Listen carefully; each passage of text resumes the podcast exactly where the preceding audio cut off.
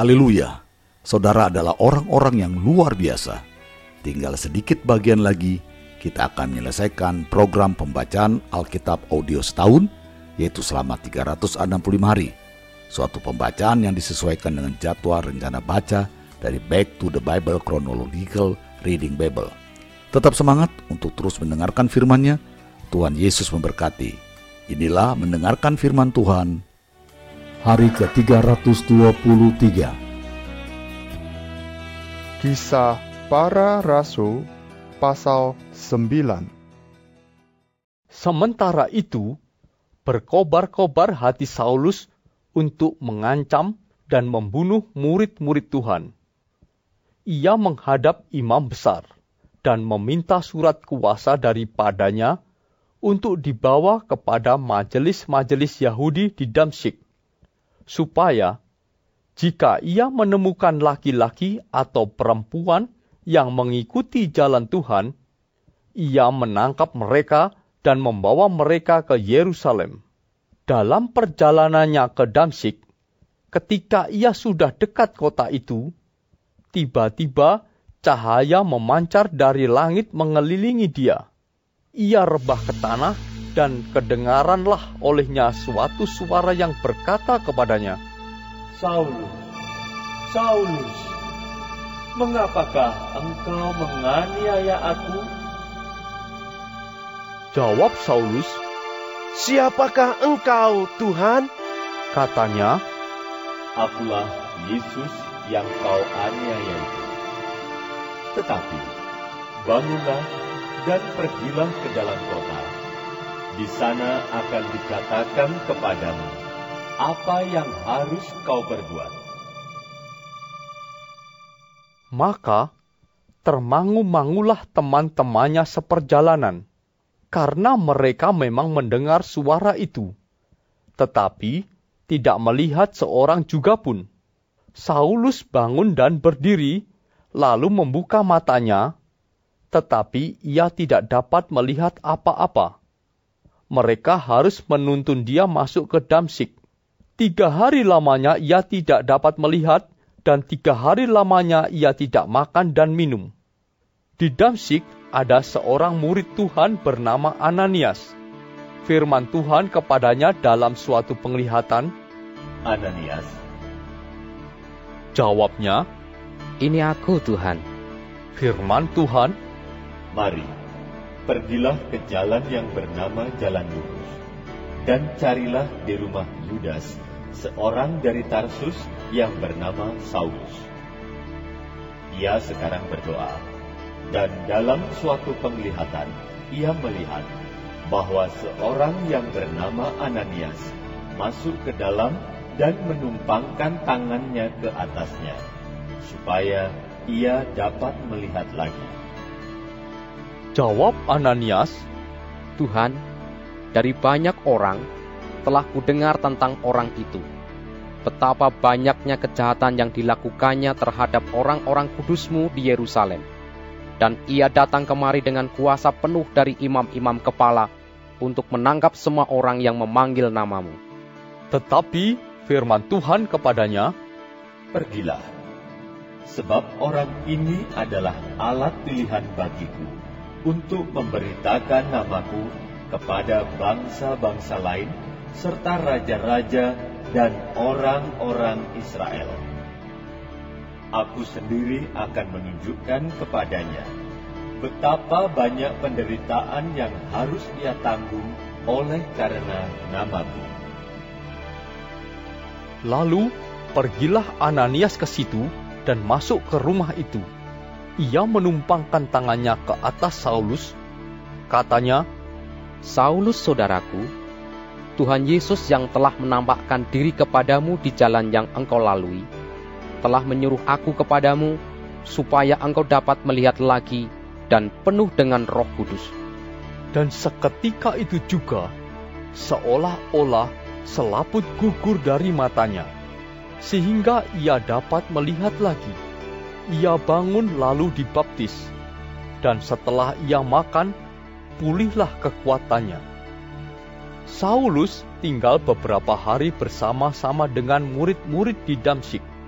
Ketika itu juga ia memberitakan Yesus di rumah-rumah ibadat dan mengatakan bahwa Yesus adalah anak Allah. Semua orang yang mendengar hal itu heran dan berkata, Bukankah dia ini yang di Yerusalem mau membinasakan barang siapa yang memanggil nama Yesus ini? Dan bukankah ia datang ke sini dengan maksud untuk menangkap dan membawa mereka ke hadapan imam-imam kepala? Akan tetapi, Saulus semakin besar pengaruhnya, dan ia membingungkan orang-orang Yahudi yang tinggal di Damsik, karena ia membuktikan bahwa Yesus adalah Mesias. Beberapa hari kemudian, orang Yahudi merundingkan suatu rencana untuk membunuh Saulus. Tetapi maksud jahat itu diketahui oleh Saulus. Siang malam, orang-orang Yahudi mengawal semua pintu gerbang kota supaya dapat membunuh dia. Sungguh pun demikian, pada suatu malam murid-muridnya mengambilnya dan menurunkannya dari atas tembok kota dalam sebuah keranjang.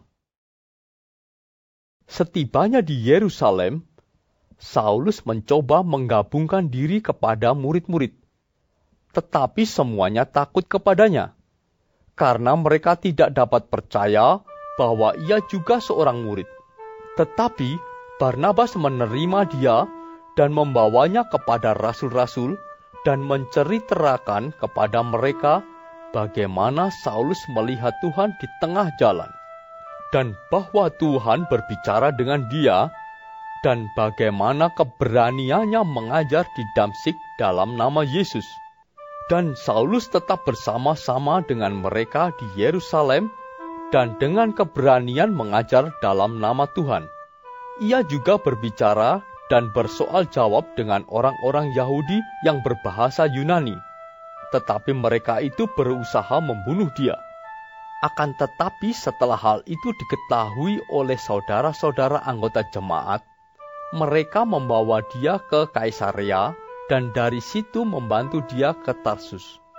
Selama beberapa waktu, jemaat di seluruh Yudea, Galilea, dan Samaria berada dalam keadaan damai Jemaat itu dibangun dan hidup dalam takut akan Tuhan.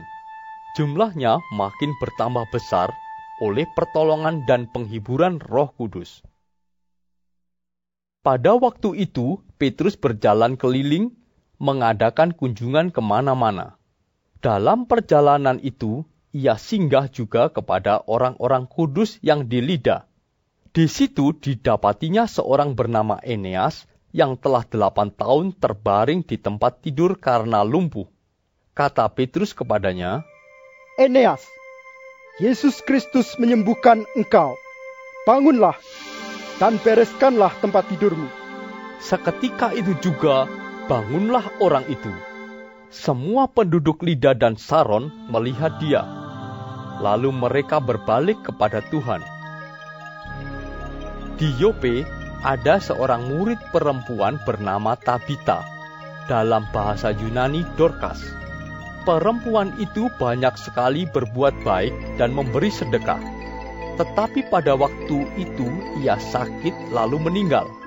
Dan setelah dimandikan, mayatnya dibaringkan di ruang atas. Lida dekat dengan Yope. Ketika murid-murid mendengar bahwa Petrus ada di Lida, mereka menyuruh dua orang kepadanya dengan permintaan, "Segeralah datang ke tempat kami." Maka berkemaslah Petrus dan berangkat bersama-sama dengan mereka.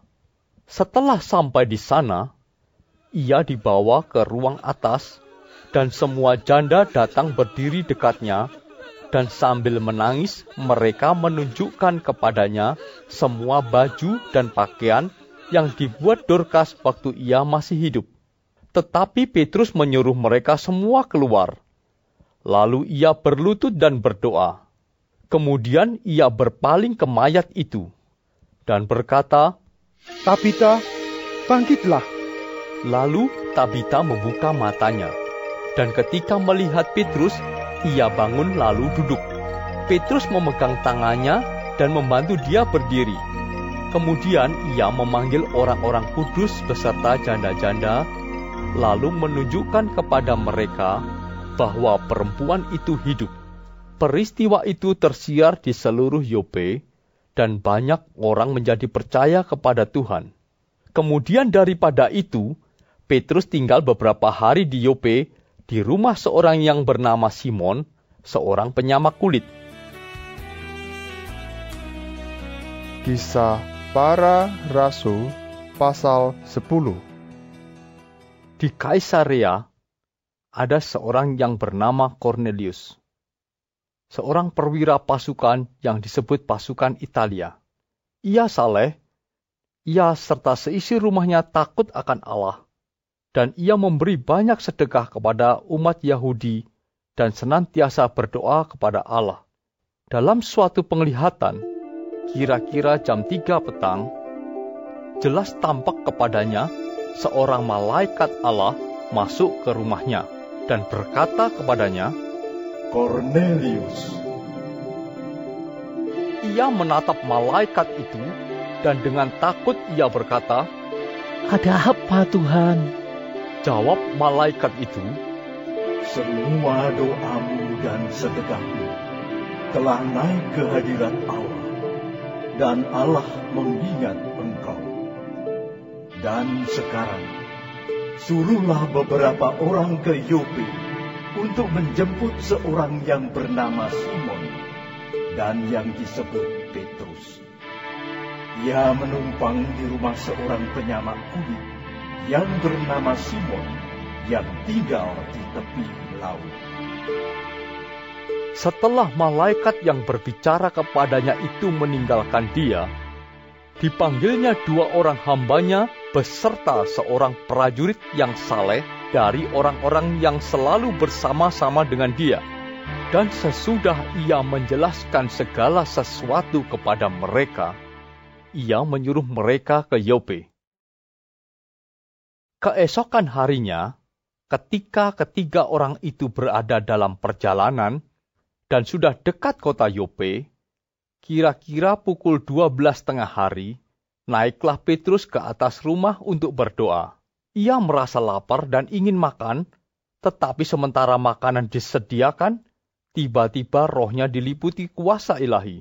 Tampak olehnya langit terbuka dan turunlah suatu benda berbentuk kain lebar yang bergantung pada keempat sudutnya yang diturunkan ke tanah. Di dalamnya terdapat berbagai jenis binatang berkaki empat, binatang menjalar dan burung. Kedengaranlah olehnya suatu suara yang berkata, Bangunlah, hai Petrus, sembelihlah dan makanlah. Tetapi Petrus menjawab, Tidak Tuhan, tidak. Sebab aku belum pernah makan sesuatu yang haram dan yang tidak tahir.